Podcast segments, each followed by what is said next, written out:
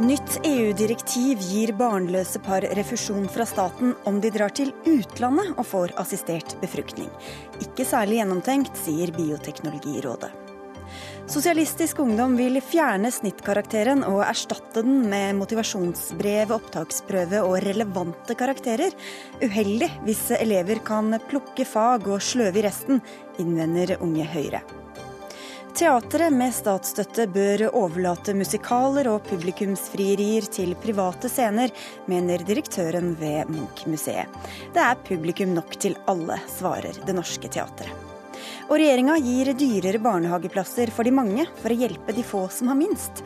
Nok et eksempel på at folk flest nedprioriteres, mener Arbeiderpartiet.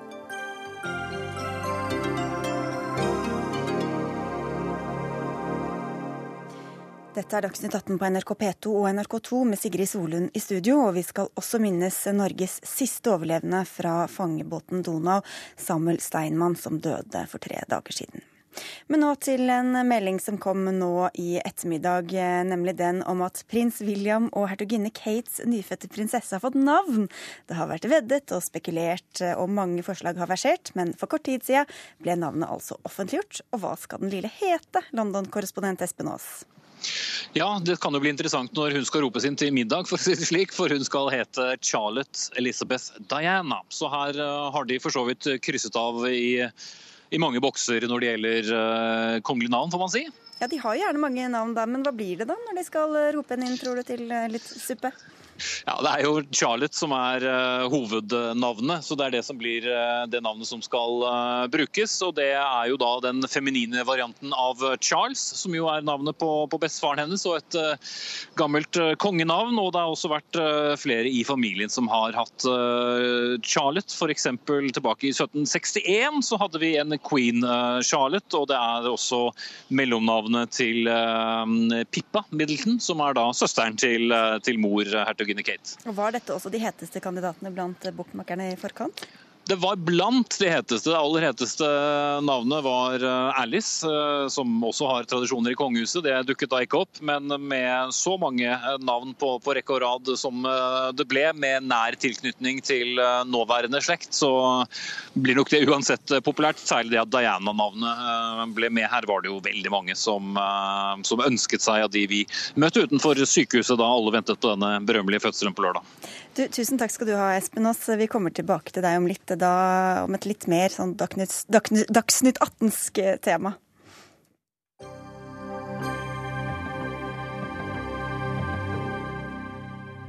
Fra 1.3 i år har norske par kunnet få assistert befruktning på en privat klinikk i utlandet på det offentliges regning.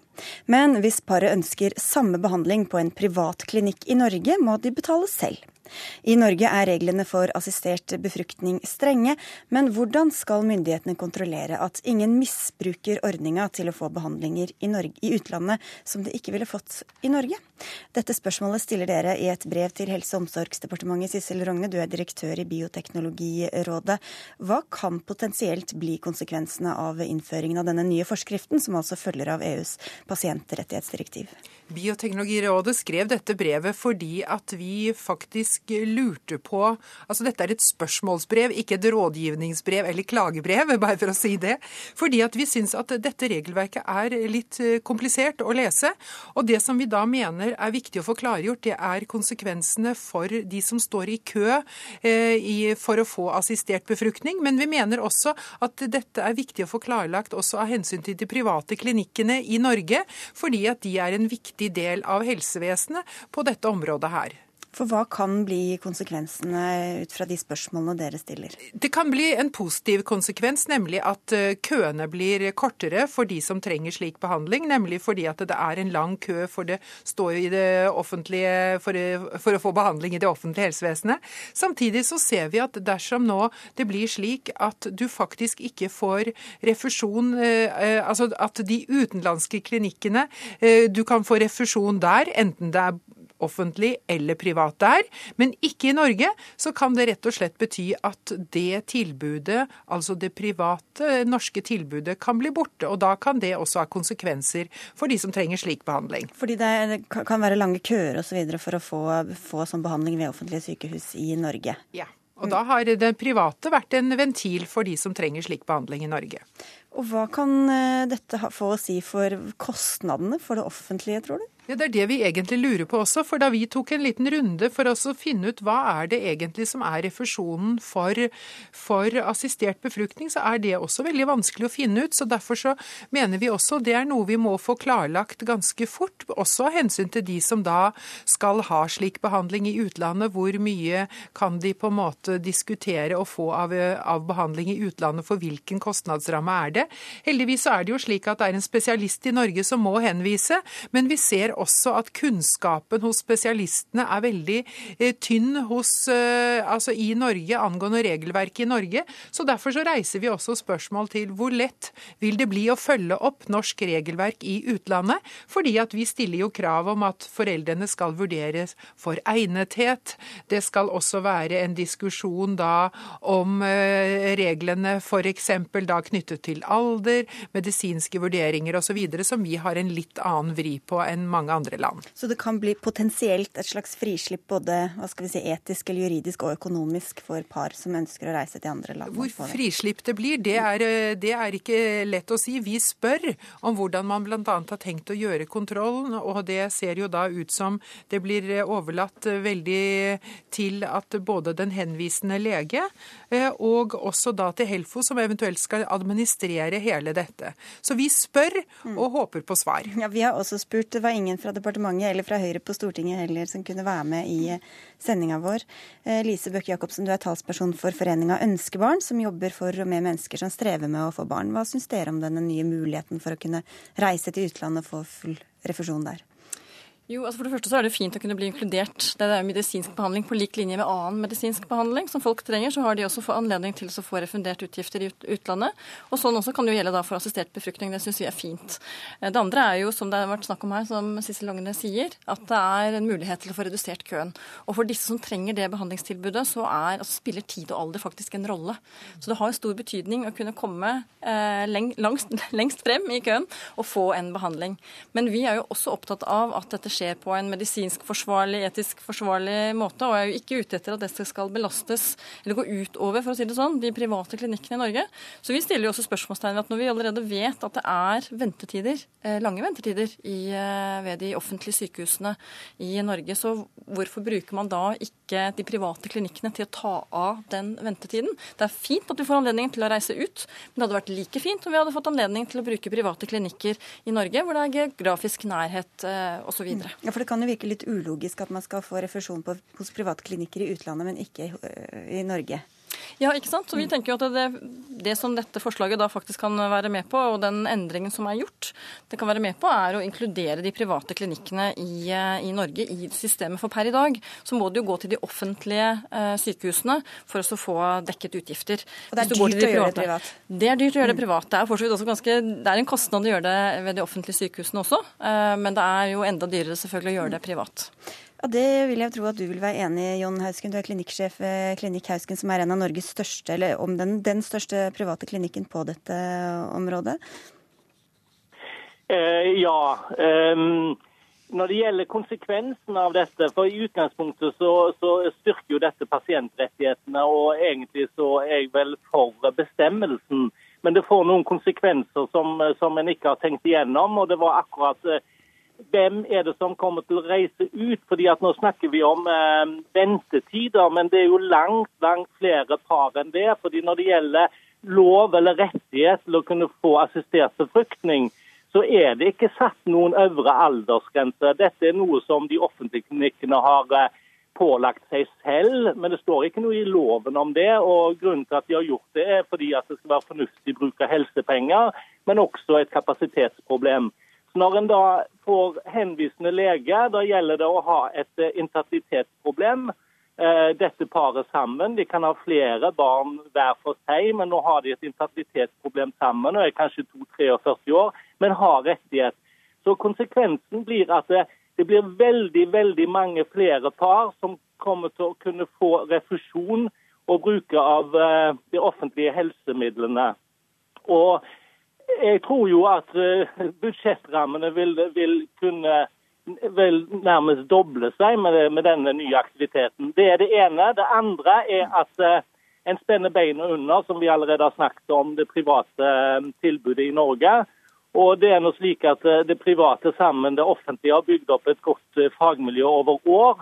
Og Det er nøye kontrollert, og det er rapportering. og Dermed har vi òg kontroll over aktiviteten og kan følge opp hvis det skulle skje Eh, at enkelte behandlinger skulle vise seg å ikke være i tråd med det vi ønsker. Denne mister vi nå når parene reiser til utlandet, for da får vi ikke rapportert. og Vi har tidligere forsøkt å innhente tall fra bl.a.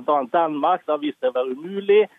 Og Dermed så har vi heller ikke kontroll over aktiviteten og, og, hva som skjer med barna, og kan følge det videre opp. Mm. Vi uh, fikk et svar fra Helse- og omsorgsdepartementet eh, at uh, de som velger behandling i utlandet, må vise nødvendig dokumentasjon for å få refundert uh, utgiftene.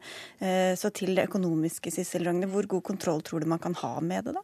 Jeg tror at det, det, blir jo veldig interessant å følge opp den dokumentasjonen. For man har jo sett noen tendenser f.eks. når det gjelder da annen kirurgi i utlandet, hvor vanskelig det er å følge opp.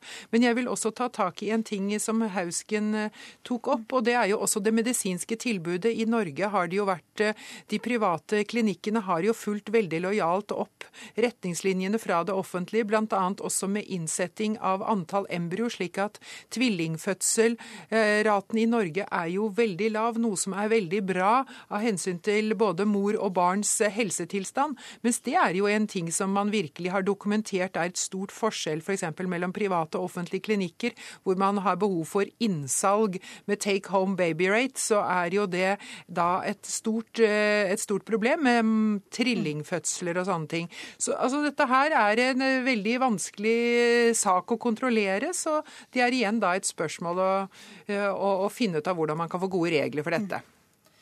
Men samtidig så tenker vi at det er jo faktisk da en mulighet for de som trenger behandlingen. Eh, det er tungt og sårt å være i en barnløs situasjon, ufrivillig barnløs.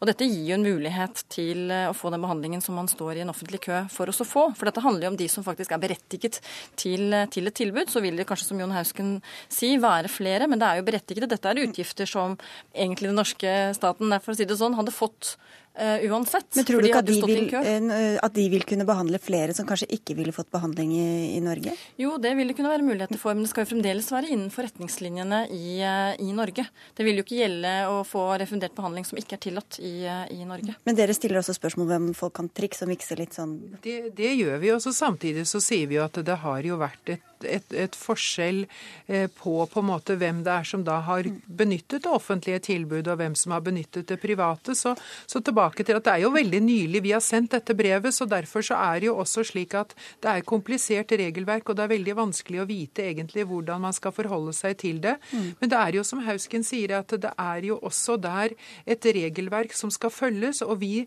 er jo da opptatt av at man må jo også da f.eks. ha en mulighet for å sjekke at det norske regelverket blir blir fulgt. Og vi ser at det er som sagt f.eks. en diskusjon om egnethet, og da om henvisning. Par, alder. Alt dette her er, er da en utfordring mm. som vi setter spørsmål til. Jeg husker en helt kort. Ja, En liten kommentar til det med retningslinjene. Retningslinjene er kun at uh, en skal være gift eller leve i et, uh, et uh, ekteskapslignende samboerforhold. Slik at Det står ikke noe om alder eller antall barn osv. Så, videre, så det blir betydelig flere som kan heve en rettighet. Det er de offentlige klinikkene som har selvpålagt dette med to barn og en aldersgrense. Men retningslinjene er fri flyt, sånn at det vil bli flere som kunne få behandling nå i utlandet. Og det vil øke budsjettene til assistert befruktning betydelig. Vi får komme tilbake til det når dere har fått eh, svaret fra Helse- og omsorgsdepartementet. Sissel Rogne, takk for at du kom. Tusen takk også til Elise Bøkke Jacobsen fra Ønskebarn, og til klinikkleder Jon Hausken. Dagsnytt 18 alle hverdager klokka 18. På NRK P2 og NRK2.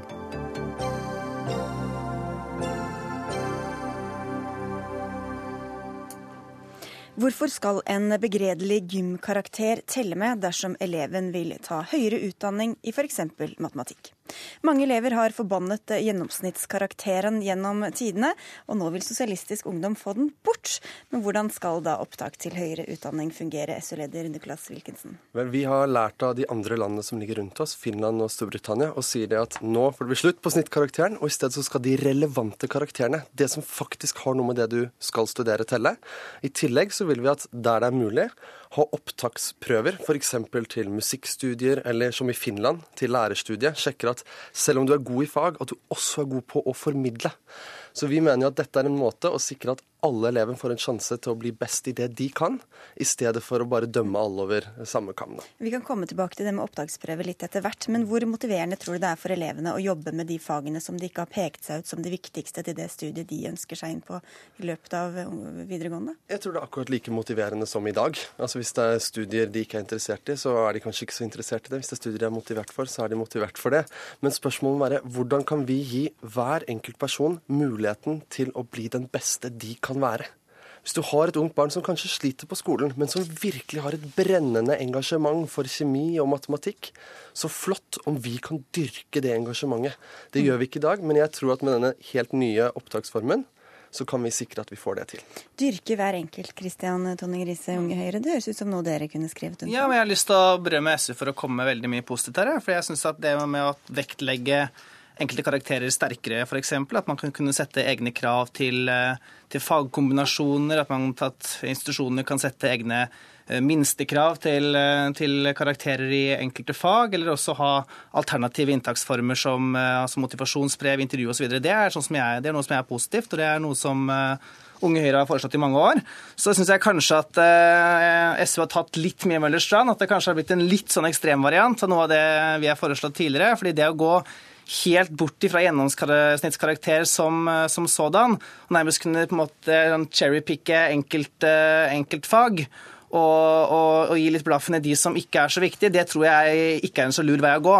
For da tror jeg at du vil få mange elever som at det generelle kunnskapsnivået vil man kunne risikere at går ned, fordi at man da vil kunne slippe å jobbe i en del fag, og så kan man plukke ut bare de enkeltfagene som er viktigst. Og jeg tror også at man kan få noen problemer da med at det blir vanskelig f.eks. å bytte studier hvis man har valgt veldig snevert på valgt ut noen enkeltfag, mm. og så finner man ut at man kanskje ville gjøre noe annet. Men hovedtrekk da, så syns jeg i hvert fall at det er mye positivt her. Det må, må ja. sørge for en større fleksibilitet. Ok, Men hvordan gjør du det? Det er ikke sikkert man vet nøyaktig hva man skal drive med om fem år, og så har man pekt ut noen fag, og så ønsker du å bytte da etter to år, f.eks. Men det er jo sånn systemet er i dag også. Altså, I dag så er det jo sånn at elever gjør det mye bedre i noen fag enn i andre. Sånn er det uansett. Sånn er det med oss alle sammen. Men forskjellen er at i dag så slår det enormt urettferdig ut. Jeg har snakka med en som heter Jan Fredrik, som søker International Business Management. Han har sekser i engelsk, han har sekser i matte, han har sekser i innovasjon og bedrift. Han har faktisk drevet sin egen bedrift allerede i tre år. Men han har fire i gym, og han har fire i sidemål, og han har fire i norsk muntlig diktanalyse. Men han kommer ikke inn på det studiet han ønsker, selv om han er perfekt for det studiet. Og da tror jeg at vi må spørre oss selv er ikke dette et problem vi er nødt til å løse. Og nå kommer det endelig et forslag på bordet som kan gjøre det. Vi kan høre med deg, Jannike Wiers Jensen. Du er forsker på Nordisk institutt for studier av innovasjon, forskning og utdanning. Hvordan tror du et sånt opptakssystem kan slå ut? Først og fremst tenker jeg at det er viktig at vi tar en debatt om disse tingene. Det er absolutt interessant å diskutere opptakskrav med jevne mellomrom. Og jeg tror intensjonene som både SU og Høyre har her, er veldig gode. Men jeg tror også at forslagene har en del utilsiktede konsekvenser. F.eks. så er det sånn at hvis bare noen fag teller, så tror jeg at det gir et ganske dårlig signal for en del elever. For de fagene som ikke teller, da vil de sannsynligvis prioriteres lavere. Og så er det også sånn at Hvis det da varierer mellom ulike studier hvilke fag så, eller hvilke karakterer som teller, så blir det vanskeligere å ombestemme seg. ikke sant? Da må du ta to skritt tilbake for å ta ett skritt fram. Og så er det også hva er de relevante fagene man skal ha med her? Det er et definisjonsspørsmål som ikke er så lett å løse. Og så tenker jeg også at vi har allerede et system som har noe av dette i seg. Altså man får ekstrapoeng for realfag osv. Så, videre.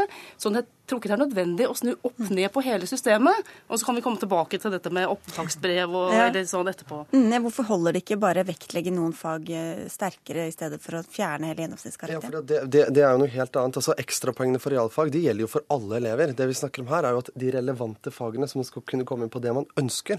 Eh, og da tror jeg også det her er snakk om at ja, kanskje vil man prioritere noe mer av tiden sin på det faget man har tenkt å studere og da prioritere litt men, ned noe annet. Men det må du gjøre allerede fra første gym, ja, ja. Da, som det het før i tida? Nei, De fleste vet jo ikke da hva de skal studere. Så det er jo ikke, altså, jeg tror det, Vi må huske på nå at når elever går på videregående skole, så gjør de så godt de kan i alle fagene sine.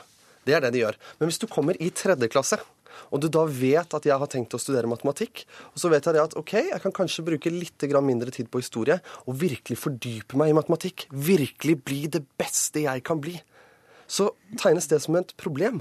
Jeg tror jo faktisk at det er et av godene med dette forslaget, er nettopp det at vi tillater elever, i stedet for å være styrt av den her sammenfatta smørja hvor alle skal gjøre alt det samme, feirer det. At elever er forskjellige og kan spesialisere seg i det de har motivasjon for. Jo, for det første så tror jeg jeg er opptatt av at utgangspunktet skal fortsatt være gjennomsnittskarakterer. Altså, mens må det utdanningsinstitusjonene få en større frihet. At vi ikke nå skal tre et helt nytt system nedover hodet på alle institusjonene, men at de skal få en frihet til f.eks., som jeg sier, å kreve minstekarakter i enkelte fag og vektlegge noen fag høyere. Det er jeg veldig for. Jeg syns det er positivt eh, at, at SU også er, er, for det nå. Eh, det jeg ikke tror er en så god idé, det er å si til en som f.eks. vil studere business, siden det kom som et forslag her, at du trenger ikke å bry deg om norskkarakteren din i tre år. For jeg tror det er litt naivt å tro at da samtlige som, eh, som går business, vil være like opptatt av norsk som i dag. Jeg husker når jeg gikk på ungdomsskolen, så var det sånn at eh, da telte ikke tyskkarakteren på inntak til videregående. Det førte jo til at jeg jobbet veldig lite med tysk. Det angrer jeg jo på i dag. Og hadde den karakteren telt, så hadde jeg jobbet mer med tysken. Og jeg tror nok at det er sånn for ganske mange elever. Og det er litt naivt å tro at man kan si til en rekke elever at nå teller ikke karakterene i disse fagene her, mens å tro at de likevel vil jobbe like mye med faget. Vi har et spørsmål da. Opptak til høyere utdanning, hvis det er det eneste som gir deg motivasjon til å jobbe, hva med alle de som ikke skal søke høyere utdanning i dag? Tror dere virkelig det at de bare ikke bryr seg om noen av fagene sine? Kan jo, kan jo forskeren få svare her, da?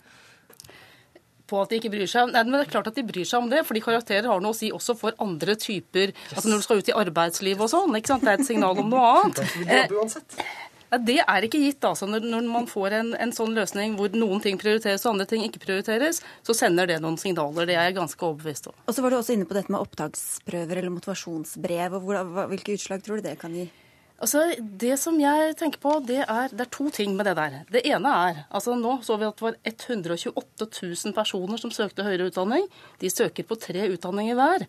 Altså, Hvordan skal man klare å vurdere flere hundre tusen eh, sånne brev? Det er omtrent umulig. Det andre er at man i tillegg altså, Da må man legge inn et ganske stort element av skjønn.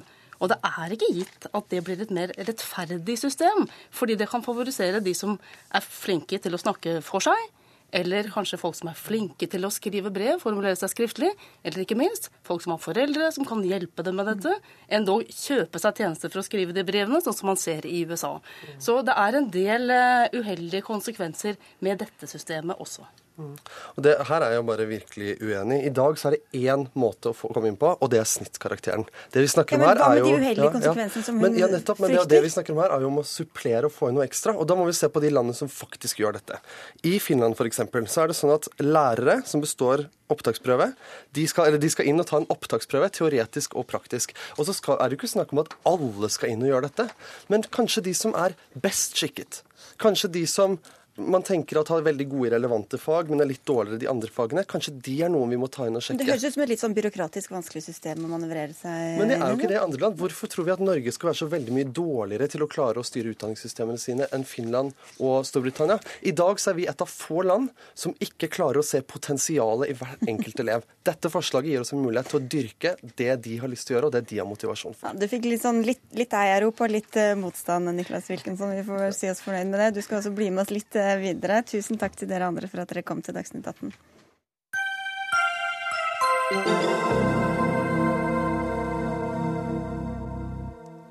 Storbritannia spøker det for oppslutninga til liberaldemokratene før valget om tre dager. For fem år siden gjorde partileder Nick Clegg stor suksess, og partiet fikk rekordoppslutning med 23% av stemmene. Nedturen til tross kan partiet få siste ord om hvem som skal styre landet de neste årene. Det konservative Tory-partiet eller røde Labour. Og hva sier de siste målingene om hva som kan bli et sannsynlig utvalg, korrespondent i London, Espen Aas?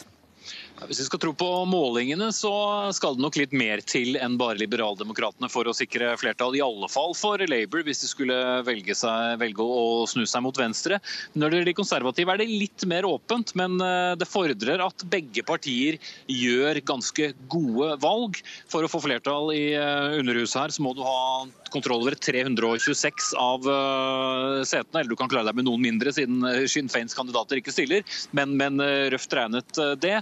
Ehm, de konservative har ligget godt under 300 en stund, og med liberaldemokratene i nærmest eh, fritt fall en stund, så um, er det mange som tror at ikke det vil være nok for, eh, for Cameron eller for Miliband, for den sakens skyld. Det var veldig mye snakk om Clegg før forrige valg. Hvis du setter oss litt tilbake i tid, eh, kan ikke du beskrive den store oppturen han og liberaldemokratene opplevde da? Jo, etter en eh, lang periode med politikere som folk ikke hadde noe særlig sans for, så kom da Nick Clegg inn som et eh, friskt eh, pust. En eh, som var litt kulere enn de tradisjonelle Westminster-politikerne. Og også en som hadde veldig fagre løfter til Storbritannias studenter når det gjaldt å måtte betale for høyere utdanning. Han sa at kommer jeg inn i styret hos selv, så skal det i hvert fall ikke koste noe å gå på universitet. Og så kommer han inn i regjering, og så tre tredoblet avgiften seg eh, ved mange universiteter og høyskoler, eller den øvre grensen da, som man kan ta av eh, studieavgifter. Og han har blitt mannen som bøyde seg og sa unnskyld i all ettertid. Og da han ble spurt ut på et program som heter Question Time her på BBC i forrige uke, så startet det med at en publikummer spurte ham hvorfor i all verden skal vi noensinne mer tro på det du sier. Så um, de, han har fått hard medfart. Rebekka Bosch, du er eh, sentralstyremedlem og internasjonal leder i Venstre, som altså er liberaldemokratenes eh, søsterparti. En solid og lang nedtur eh, for dem. Hva skyldes det, tror du? Nei, det skyldes nok mye, tror jeg, det som nå nettopp ble sagt. At de gikk på et par smell etter at de gikk inn i regjering. Og allerede i regjeringsforhandlingene så var det tapet der rundt studieavgiften, det var, det var, veldig alvorlig. Og det har folk ikke glemt. Men jeg tror en like viktig aspekt her er at britene er jo ikke vant med at man har en koalisjon, et samarbeid. Og liberaldemokratene betaler nok en høy pris for at de er på en måte da med i det aller første eksperimentet. Og det har ikke sunket helt inn i, at, i befolkningen at i en koalisjon så får man ikke fullt gjennomslag. Mm. Uansett, man må kompromisse. Og som minsteparten i et samarbeid må man i hvert fall kompromisse. Eh, og vi ser nok effekten av det nå, at de er i ganske sterk nedgang. For det er jo et veivalg eh, mm. for et sentrumsparti, og med tanke på mm. deres situasjon så vil du ja. kanskje ikke klandre samarbeidet med de borgerlige i eh, Storbritannia? Nei, altså jeg, jeg, vet vel at det, det var ganske mange i uh, Liberaldemokratene i Storbritannia som også kunne tenkt seg å jobbe med den andre sida. Og det får man jo nå se om det kanskje muligens da slår til. Så at de gikk sammen med Cameron den gangen, eh, det var nok også for mange tungt å svelge. Mm. Hvor, vet vi hvor alle velgerne har tatt veien da, Espen Aas? Veldig mange blant studentene har jo nå øh, vendt seg mot øh, De grønne, som har en ja, drøyt 5% 6% oppslutning på landsbasis. Ikke at det partiet kommer til å få mye å si, de får vel kanskje én parlamentsplass, men de følte at de trengte noe annet enn Liberaldemokratene. Så er det også noen som venner seg til Labour, selvsagt, men De grønne er definitivt et av de partiene som har tjent mest. Jeg må også legge til at det som har gjort mye av koalisjonen problematisk, er jo hvordan de konservative har behandlet og omtalt liberaldemokratene gjennom disse årene. Jeg har jo vært på flere partikonferanser hvor både statsminister og andre fremtredende personer står på talerstolen og snakker svært, svært eh, nedsettende. Og jeg husker det bl.a. overrasket vår nåværende næringsminister Monica Mæland da hun deltok på en partikonferanse om hvordan liberaldemokratene ble omtalt som en syk, gul albatross som hang rundt halsen på de konservative.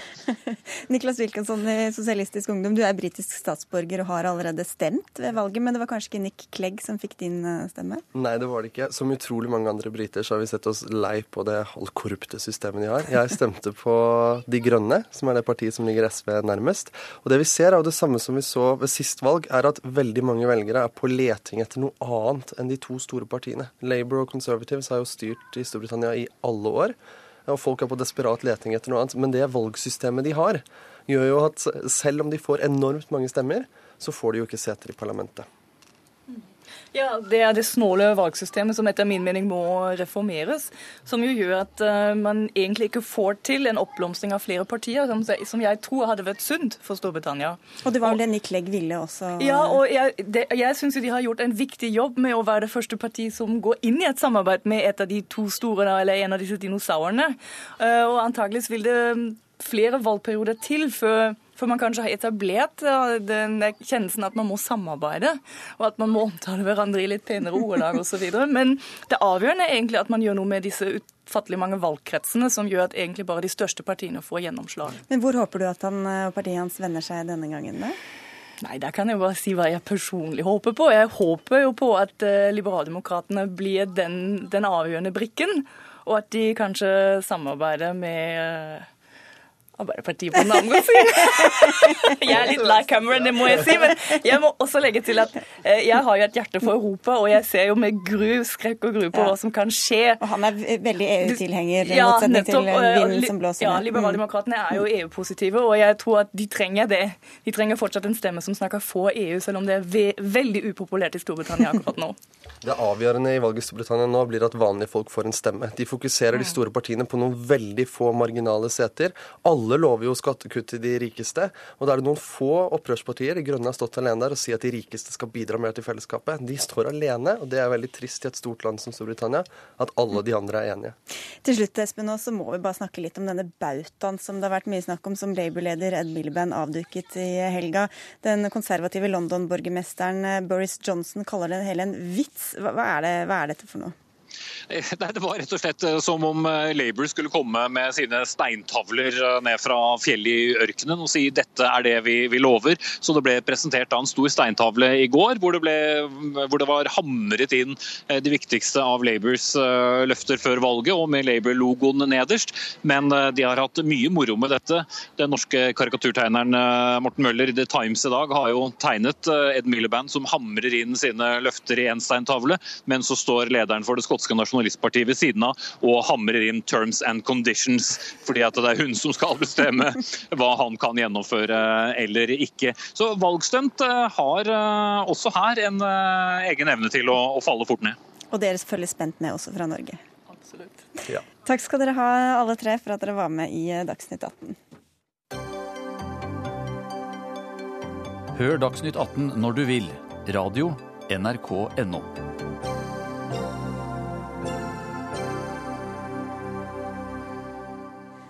disse dager presenterer eh, norske teatre hvilke stykker de skal sette opp til høsten. Og er du ute etter klassikere og musikaler, kan du like gjerne finne dem på statsstøttede som på private teatre.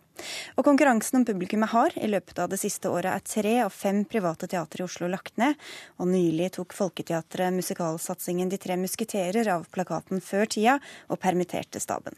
Og til sammen bekymrer dette deg litt, Stein Olav Henriksen. Du er direktør ved Munch-museet, men du har også fra før en bred bakgrunn fra musikk og teater og opera.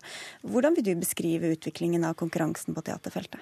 Nei, for det første så er jo ikke dette bare et Oslo-fenomen, men eh, når de offentlige teatrene går inn og gjør det kommersielle materialet, eller repertoaret som det heter, eh, så ser vi jo at det presser ut eh, de private aktørene.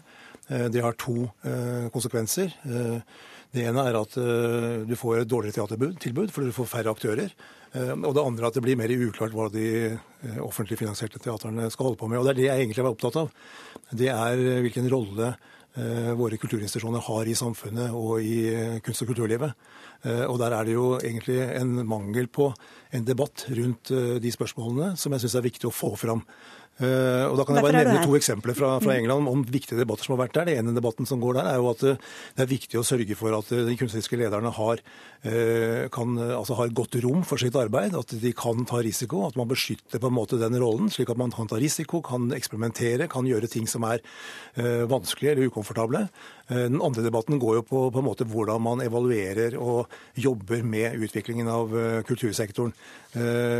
Departementet gjør en slags eh, evaluering ut fra sine premisser. Teaterne og de andre kulturinstitusjonene gjør kanskje eh, internt en evaluering i den grad de mener det er viktig. Eh, men det som også foreslås der, er jo at man har et eksternt faglig utvalg som ser på hvordan kulturinstitusjonene fyller sitt faglige og samfunnsmessige oppdrag. Ikke for å kritisere og på en måte korrigere, men for å få opp debatter om viktige spørsmål når det gjelder kulturinstitusjonenes rolle. Og jeg mener også det at kulturinstitusjonene bør ha en veldig sentral rolle i å løse samfunnets viktigste utfordringer. Og det tror jeg kanskje vi ville kommet mye lenger på hvis vi hadde en mye friskere offentlig debatt rundt hvilke eh, posisjon inntar kulturinstitusjonene våre i norske samfunn. Vi kan jo prøve da. Erik Ulfsby, du er teatersjef ved Det Norske Teatret. Dere spiller bl.a. Sweeney Todd nå. Eh, for eh, fulle hus, vil jeg tro. En siste i en lang rekke av musikaler. Hvorfor er det deres jobb å sette opp sånne stykker? Ja, Sweeney Todd er en uh, veldig lite kommersiell musikal. Den ville overhodet ikke vært gjennomførbart på et privatteater i det hele tatt. Uh, altså I det hele tatt så, så er det jo altså Den beskrivelsen som Henriksen gir, er, er litt fortegnet. fordi at bildet er slik at uh, de norske teaterne spiller et vesentlig smalere repertoar i dag enn de gjorde for bare 20-30 år siden. Det Norske Teatret har akkurat gitt ut historieboken sin, 100 år 100 års godt dokumentert historie. For 30 år siden så spilte Det Norske Teatret de største og breieste titlene som Le Miserable. Da spilte man det hele året. 158 000 besøkte. Man spilte Cats, titler som vi ikke ville drømme om å sette på repertoaret i dag. Eh, og det var nesten bare det som gikk på teatret. Samtidig gikk privatteatrene svært godt. I 2013 hadde vi flere publikummere enn vi hadde da vi spilte Le Mis, og de breieste titlene var Bibelen, Shockheaded Peter og Abrahams barn. Slik at utviklingen er motsatt. Eh, utviklingen går i alle fall, Nå snakker jeg ikke nødvendigvis om, om uh, altså kommunale Oslo Nye Teater, men uh, for Det Norske Teatret og Nationaltheatret så er repertoaret og i særdeleshet for det norske teatret, vesentlig smalere i dag enn det var for 20-30 år siden. Så du er ikke med på at dere fortrenger de private teatrene? Nei, altså jeg har drevet med mye privatteater, eid et privatteaterselskap. Det er intet som står på Det Norske Teatrets repertoar som ville vært bærekraftig privat, med ett unntak, og det er Svein Tindbergs monolog 'Abrahams barn'. Hvis noen private hadde kommet på den ideen, så hadde de uh, sluppet å uh, jo da, men vi ser at teaterne får flere scener og kan gjøre både store og små produksjoner. og Det er jo i hvert fall et spørsmål å diskutere eh, hva den offentlige støtten på en måte har sin begrunnelse i, og hvordan den skal spille opp mot et mye større eh, kan du si, teaterfelt da, i det tilfellet her. Eh, for det er klart at Vi har jo mistet eh, veldig mange private teatre. Det er nesten ikke mulig å drive Men hvordan vet du at det skyldes repertoaret hos, hos de statsstøttede teatrene, da? Hvordan vet du at det skyldes konkurransen med de statsstøttede eh, teatrene? Ja, norske teater har jo i hele sin historie bortimot eh, drevet med, med musicals, eh, og, og, har på en måte sin rolle i det norske samfunnet som også er begrunnet i, i nynorskaspektet. Men når du ser sånn som nå med, med Oslo Nye, som, som, setter opp Chicago, det er klart at det er direkte inn i, i konkurranse med andre. Så kan man jo tenke at ja, aktivitet avler aktivitet. Hvis det er mye interesse for musikere, så kan også private aktører klare seg. Men vi har jo sett at det har blitt blitt et smalere felt, og det er færre aktører enn det har vært tidligere. Det var jo, som du nevnte tidligere, mange private aktører tidligere. Men det som er mitt poeng, er jo å diskutere hvilken rolle inntar kulturinstitusjonene i samfunnslivet. Hva er det de eh, skal holde på med, og hvilken retning skal de ha. Og Her mener jeg at det er mye både departementet kunne ha vært opptatt av, og institusjonene kanskje selv i mye større grad kunne vært opptatt av. Hvilken rolle og hvilken funksjon har de i samfunnsutviklingen i forhold til å løse samfunnets viktige utfordringer nå. Da er kanskje ikke veien å gå mot det mer kommersielle, som kunne vært håndtert av et bredere felt felt. Eh, men kanskje veien er å eh, tenke helt annerledes. Det er jeg jo helt enig i. Det er derfor vi gjør det. ikke sant? Altså, når du sier at veien ikke er å gå mot det mer kommersielle, så er det jo nettopp det som har skjedd, og det som vi lett kan dokumentere, at teatret og Det Norske Teatret går mot en vesentlig mindre, et vesentlig mindre kommersielt repertoar enn man hadde tidligere. Nå har vi 30 titler på programmet. Av de så er kanskje to til tre musikaler som har et, et publikumsgrunnlag på mellom 10 eh, og 40 000 mennesker. Det er en helt annen situasjon enn det var for bare 20-30 år tilbake. Men hvilke føringer følger med statsstøtten, da? For ikke bare for dere, men for alle, alle teatre som får det? Nei, altså det følger jo, uh, altså For Det Norske Teaters del så er det selvfølgelig slik at vi altså, Dere må snakke nynorsk, det er ja, greit. det er kanskje ikke så liksom. mange som vet at Det Norske Teatret er et privat teater. Altså Vi er et privat eid teater som får offentlig støtte fordi at vi gjør sånn og sånn, og fordi at vi følger et språkoppdrag. ikke sant? Vi skal, uh, vi skal nå barn og unge, vi skal utvikle teaterkunsten, og heri også musikkteaterkunsten. Og Det Norske Teatret har, som du er inne på, gjennom hele sin historie vært ledende også i europeisk teater på utvikling musikkteaterkunsten. Og dersom vi skulle slutte med det, så ville det være veldig trist. Også for privatteaterne, som i all hovedsak henter sine aktører fra våre scener. Men så etterlyser det Henriksen et slags faglig råd, eller noen som skal si hva dere skal sette opp eller ikke. Jeg vet ikke hvor detaljert Nei, det altså jeg tenker på at Et faglig råd vil ha den funksjonen at man får opp eh, en bevisstgjøring av eh, hvordan man løser oppdraget sitt, både faglig og i forhold til samfunnet. Eh, Og at man gjennom det også kan få en sterkere offentlig debatt om hvordan vi skal anvende de offentlige pengene. Kulturrådet, de som er de mindre, da, store og små organisasjonene som holder på med kunst, som er finansiert over Kulturrådet, de er gjenstand for en eh, kontinuerlig evaluering. og Det bevisstgjør veldig, og det setter ting på dagsorden, og vi får diskusjoner rundt det. De store institusjonene har ikke en tilsvarende eh, evaluering, tilsvarende prosess, kan du si. Jeg tror det har vært veldig nyttig å fått opp eh, debatter rundt hvordan eksterne aktører ser på de eh, løsningene som man velger. Men det, det er ikke helt riktig at det ikke fins. Altså, eh, Kulturdepartementet har jo akkurat nedsatt et eksternt utvalg som har evaluert teaterne på kvalitet og innhold nå de siste årene. Slik at Det kom jo en, en brei evalueringsrapport av bl.a. Det Norske Teatret i juni i fjor, som ble overlevert kulturministeren. Ja, men Det er mer generell kan du si, gjennomgang av teatrene. Altså, det er på en måte ikke et faglig råd som kan sette i gang debatter, som kan evaluere, komme tilbake med innspill til styret, tilbake til den faglige ledelsen osv. Så, videre. så det er på en måte noe helt annet. Vi har jo alltid hatt utredning i norsk kulturpolitikk. Hvilken grad de har hatt noen betydning, kan man jo uh, spørre om. Men, men jeg tenker på noe som er mye mer hands on, mye mer direkte, og som er mye mer aktuell. Vi får ta det videre til politikerne. mens for dere, dere får vel litt statsstøtte dere også? For å sette opp litt sånne Nei, vi får ikke statsstøtte på mobbing, vi får kommunalstøtte derimot. Bare kjedelige utstillinger, da må dere holde dere til eh, fra nå av. Takk skal Vent og se. Jeg håper det blir bedre enn det.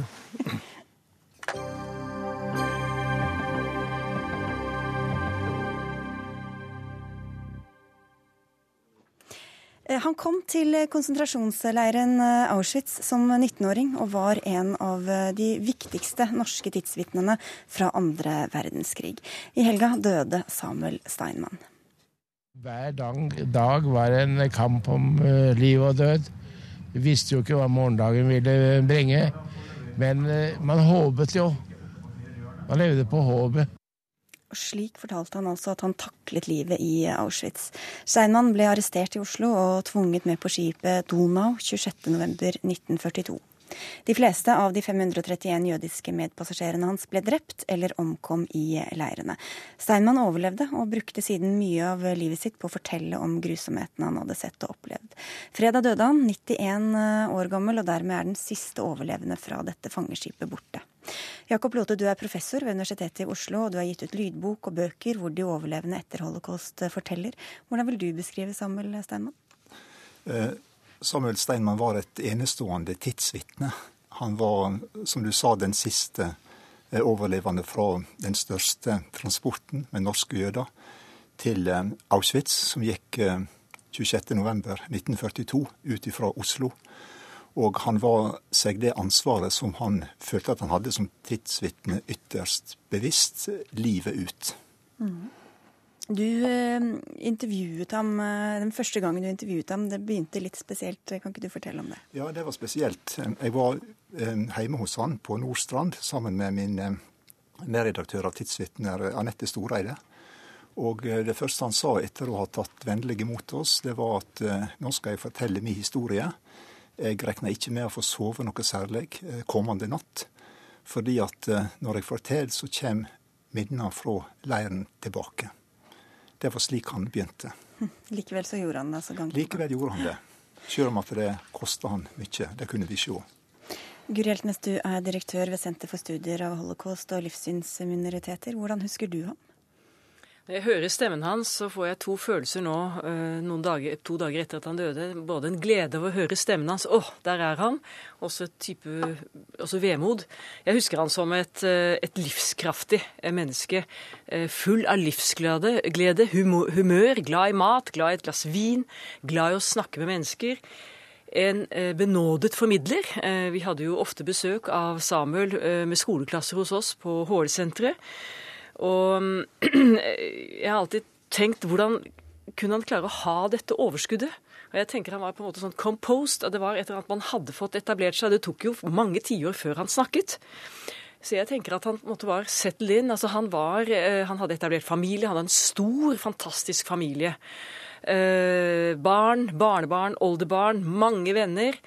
Eh, han hadde et fundament, han hadde en trygghet, og når han møtte skoleelever, så var det Det oppsto magi. Eh, nesten elektrisk stemning. I Holocaustdagen i år så inviterte vi to skoleklasser til å møte Samuel Steinmann før seremonien på Akershuskaia.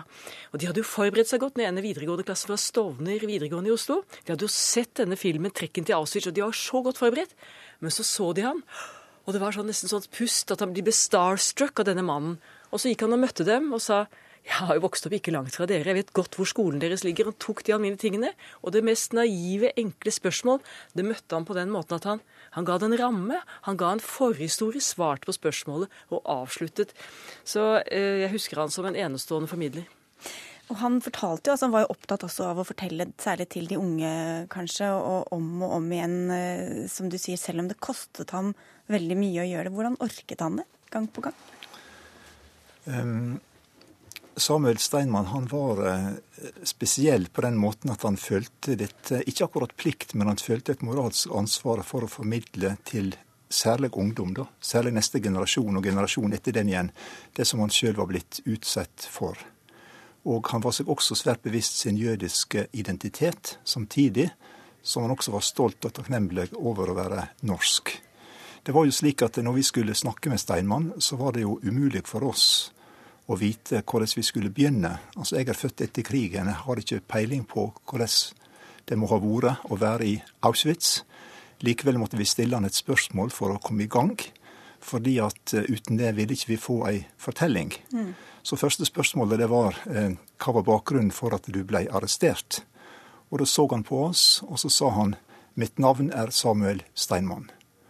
Og det var jo det helt riktige svar, fordi han ble ikke arrestert for å ha gjort noe galt eller for å ha hatt politisk aktivitet imot okkupantene, men fordi at han var jødisk. Mm. Og der ligger også en stor del, tror jeg, av dette engasjementet som han hadde. Som nordmann, som norsk tidsvitne og som jødisk tidsvitne. Begge deler.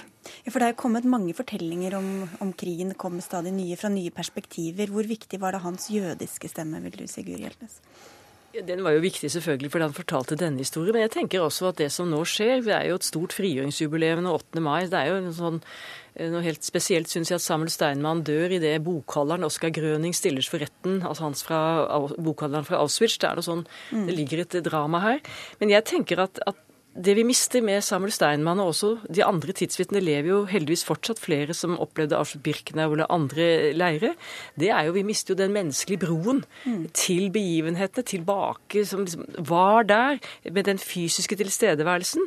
Um, og den som samtidig kunne da, som, som da samtidig som formidler så godt, som også da kunne skape en bro til de unge menneskene i dag, og rent tankemessig få dem til å identifisere seg fordi han var ung. Han var jo bare en gutt. Han, en, eh, han skulle glede seg til eksamen artium og være russ, og så blir han 19 år gammel arrestert. Så jeg tenker at eh, det er et stort tap når tidssynden er borte, men jeg er ikke redd for at vi ikke greier å forvalte historien. Det er et ansvar vi, vi har påtatt oss for lenge siden. Men for du så jo da, og har sett mange ungdommer da bli mm. berørt av hans historie. Hva, hva, har de skjønt og lært, tror du, som ikke de vil skjønne om fem år eller ti år, når da det ikke finnes tidsvitner lenger? De vil, vil, jo kunne lære dette fortsatt. Dette formidler vi jo hele tiden. Men jeg tenker at det å møte et menneske som har vært der, dette mennesket som egenhendig kan fortelle, eller e- med egne øyne kan berette sin historie. Det er jo andre historier.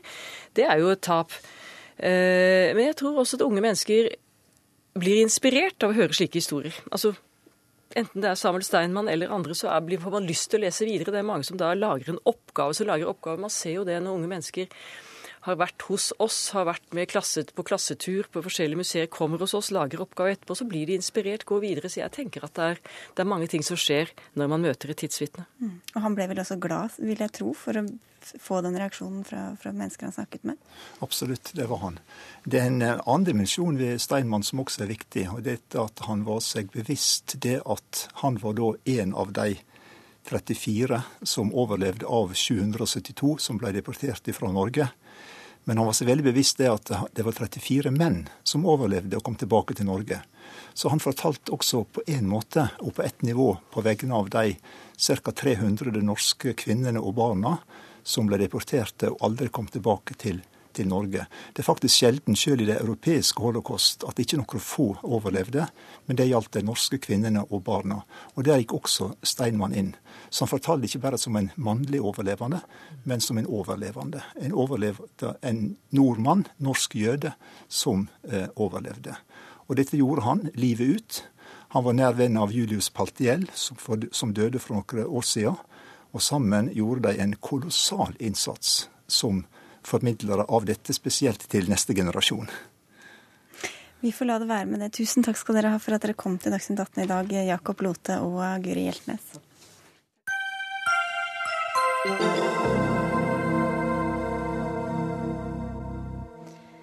Du har eh, kanskje ikke merket det på lommeboka ennå, men har du barn i barnehagen, fikk du litt trangere økonomi for noen dager siden. 1. mai ble det nemlig 180 kroner dyrere for en barnehageplass, i hvert fall hvis familien til sammen tjener over 800 000 kroner.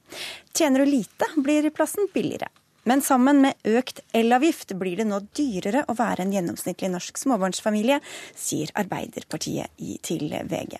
En uttalelse som fikk deg til å himle høylytt med øynene, i den grad det lar seg gjøre, Heidi Nordby Lunde fra Høyre. Eh, hvorfor det? Vel, nå er det vel sjelden noen grunn til å legge Arbeiderpartiets virkelighetsbeskrivelse i bunn, men for argumentets skyld da, så viser deres regnestykke at med en liten justering i barnehageprisen, minus skatteletten som alle har fått, så betaler familier med to inntekter rundt 300 kroner mer i året for barnehageplass. Samtidig får barnefamilier med lav inntekt redusert sine kostnader med inntil 500 kroner mindre i måneden. Så i stedet for å subsidiere to inntektsfamilier enda, altså to inntektsfamilier enda mer, slik Arbeiderpartiet vil, så vil eh, altså Høyre og Frp gi mest til de som har minst fra før. Men én ting er jo da, som du sier, eh, å gi mer til dem som har minst fra før. Men hvorfor må det tas fra folk som er, har helt vanlig inntekt og gjeld?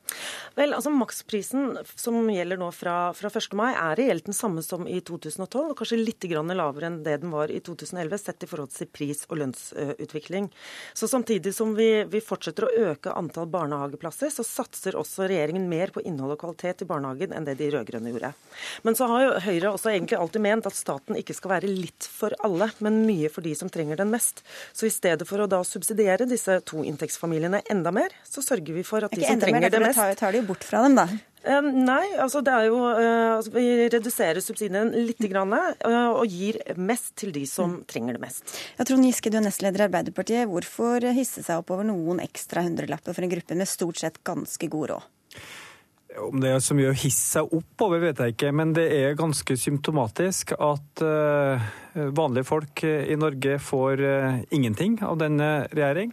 Derimot så får de absolutt rikeste det aller meste av skattekuttene. Og når man da gjør noe som er for så vidt bra, nemlig at man lar de fattigste betale litt mindre for barnehageplassen, så tar man de pengene fra helt vanlige folk. Jeg ser at eh, statsråd Solvik-Olsen på sin blogg kaller folk som har en familieinntekt på ja, mellom 400 og 500 000 kroner for de rike. Det er en virkelighetsbeskrivelse som jeg tror veldig få av eh, vanlige folk i Norge eh, kjenner seg igjen i. Dette er helt vanlige folk med helt vanlig, kanskje til og med litt lav eh, familieinntekt, som nå får eh, over tusenlappen ekstra i regning fra regjeringa. Og det spiser jo fullstendig opp den 50-øringen per dag som disse samme folkene fikk i sjenerøse skattekutt av Høyre og Frp. Og da må jeg spørre disse, disse, midlene fra middelklassen, for å si det sånn, Heidi Nordby det går alle disse da eh, til mennesker med dårlig råd? Ja, det, eh, det, vil jeg si. fordi Samtidig som vi altså da ikke subsidierer de to inntektsfamiliene mer, men gir mest til de som har minst fra før, så har vi også sagt at uh, de barnefamiliene um, Vi har utvidet gratis kjernetid i barnehagen for lavinntektsfamilier. Vi har utvidet finansiert gratis barnehage til fire- og femåringer i asylmottak. Vi har økt støtte til ferietiltak til vanskeligstilte barn. Jeg kjenner at jeg ikke skulle stilt det spørsmålet. ja, men, men, når du sier altså er dette bare til det ene tiltaket? Nei, det har kommet til, til mange ja. tiltak hvor, ja. Hvor, disse noen få, altså de 300 kronene, finansierer opp ganske gode tiltak for de som har minst fra før. God fordelingspolitikk, Trond Giske. Altså Det er utrolig egentlig at når en ganske liten sum på statsbudsjettet, 300 millioner kroner som skal brukes eh, på å kompensere kommunene for å gi billigere barnehageplass til de fattigste, skal betales, da tas det fra de nest fattigste. Dem som da har ja, hvis du, har, hvis du, er to foreldre da, og har hver sin inntekt på 250 000 kroner, det må ikke sies å være en veldig høy inntekt. Da må du altså være med å betale det det nå skal koste å hjelpe de aller fattigste. Jeg vil ikke kalle det verken middelklasse eller høytlønte, det er ganske lave inntekter. Men derimot har du sjenerøst råd til, Heidi Nordby Linde, å gi 12,5 milliard kroner, altså 40 ganger så mye, i skattelette hvor altså den rikeste hundredelen i Norge får mellom 30 og 40% av disse pengene. Så det er noe med prioriteringa.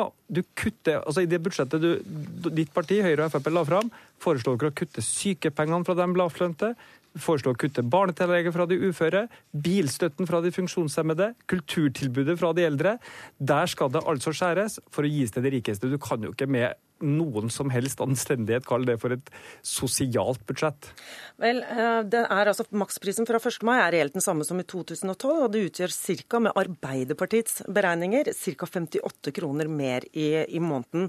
Men jeg mener faktisk at Arbeiderpartiet, og særlig Trond Giske, burde droppe den retorikken om skattelette til de som har mest fra før. For i sitt eget alternative statsbudsjett så skriver de sjøl at de ikke vil gjeninnføre arveavgiften som Høyre og Frp fjernet, fordi de nå innser at denne i liten grad treffer de med største største formuene. Eller fordi det er litt det... upopulært å gjeninnføre en arveavgift? Kanskje? Ja, men Arbeiderpartiet er et populistisk parti, de som alle andre. I tillegg så er det ikke lenge siden at Trond Giske og daværende LO-leder Roar Flåten mente at formuesskatten faktisk truet norsk industriutvikling og norske arbeidsplasser. Men... Og det er de arbeidsplassene som skal betale for den velferden som vi alle er enige om, inkludert men, men, men tror du det kan oppleves litt urettferdig når du ser at de rike får skattelettelse, enten man da mener at det er dynamisk eller ikke, og selv ser at oi, plutselig var det mye dyrere å ha to eller tre barn i barnehagen f.eks.?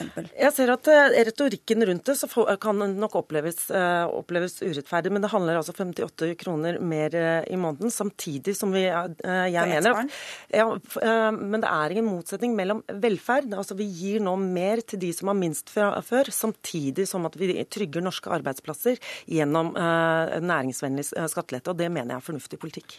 Jeg tror at dem som har 250 300 350 000 i inntekt og ikke har formue. Jeg tror ikke de opplever seg som blant de rike, som Kjetil Solvik-Olsen kaller dem, eller blant uh, middelklassen. Jeg tror de sliter med å få endene til å møtes. Uh, og jeg syns nesten en hån Nordby Lunde, at de får altså 50 øre per dag i skattekutt, det følger Finansdepartementets egne tabeller. Og så opplever de da altså at barnehagen f.eks. skal bli dyrere, at strømmen skal bli dyrere, at mange andre ting skal bli dyrere. Det er jo virkelig å eh, ikke bare ta fra de fattige, men også ta fra de med helt vanlig inntekt for å gi til de absolutt rikeste. Og du sier gang på gang at, formuesskatten, at fjerning av formuesskatten skal bidra til så mange flere arbeidsplasser. Vel, når vi stiller spørsmål til Finansdepartementets fagfolk og statsråd om dette, så kan de altså ikke engang klare å sende et brev til Stortinget som dokumenterer at dette virker på den måten. Det virker på en måte, nemlig at de absolutt rikeste blir rikere, og at vanlige folk må ta mer. Men, ja, ja, men, altså, som Trond Giske som tidligere næringsminister burde vite, eh, er at det er totalt useriøst om vi skulle saldere budsjettet budsjettet med dynamiske virkninger. Men når du snakker om hån Trond Giske satt sjøl i en regjering som lovet å fjerne fattigdommen i Norge, men resultatet av åtte år med rød-grønn politikk var at det var 15 000 flere fattige barn i Norge da de gikk ut av regjering, enn da de gikk inn i regjering. Så jeg synes kanskje at jeg ville gått litt eh, stillere i dørene. Nå gjør vi noe for de barna. Vel, akkurat på barnehage føler jeg at jeg kan slamre så mye med dørene som bare det. Vi brukte altså 24 milliarder kroner på å bygge 62 1000 barnehageplasser. Vi innførte en makspris som Høyre i utgangspunktet kjempa med nebb og klør imot. Det har spart vanlige familier for kanskje 10 000-15 000 kroner i året, fordi de nå får billige barnehager, og de får barnehage. Det siste vi prøvde å få til, det var å få to barnehageopptak i året, slik at vi slutta med dette latterlige at om du var født før eller etter 1.9, så avgjorde det om du måtte vente et helt år på barnehageplass. Det raderte Høyre ut i det første statsbudsjettet etter man overtok. Så barnehageparti, det tror jeg det er fryktelig lenge før Høyre blir. Helt kort til slutt, Heidi Nordby Du er ikke redd for at noen skal eh, ikke gå i barne, la barna gå i barnehagen allikevel, når de ser at prisene går litt opp? Nei, det tror jeg ikke. Eh, vi har, eh, denne regjeringen har nå gitt flere barnefamilier mulighet til å sende barna sine i barnehage, og det viser at vi prioriterer faktisk mest til de som har minst fra før. Takk skal dere ha, i hvert fall Heidi Nordby Lunde og Trond Giske, for at dere var med i Dagsnytt 18 i dag. Denne sendinga er ved veis ende. Det var Hege Holm som hadde ansvaret for innholdet innholdet i den. Teknisk ansvarlig var Lisbeth Sellereite. I studio Sigrid Solund, og vi høres igjen i morgen.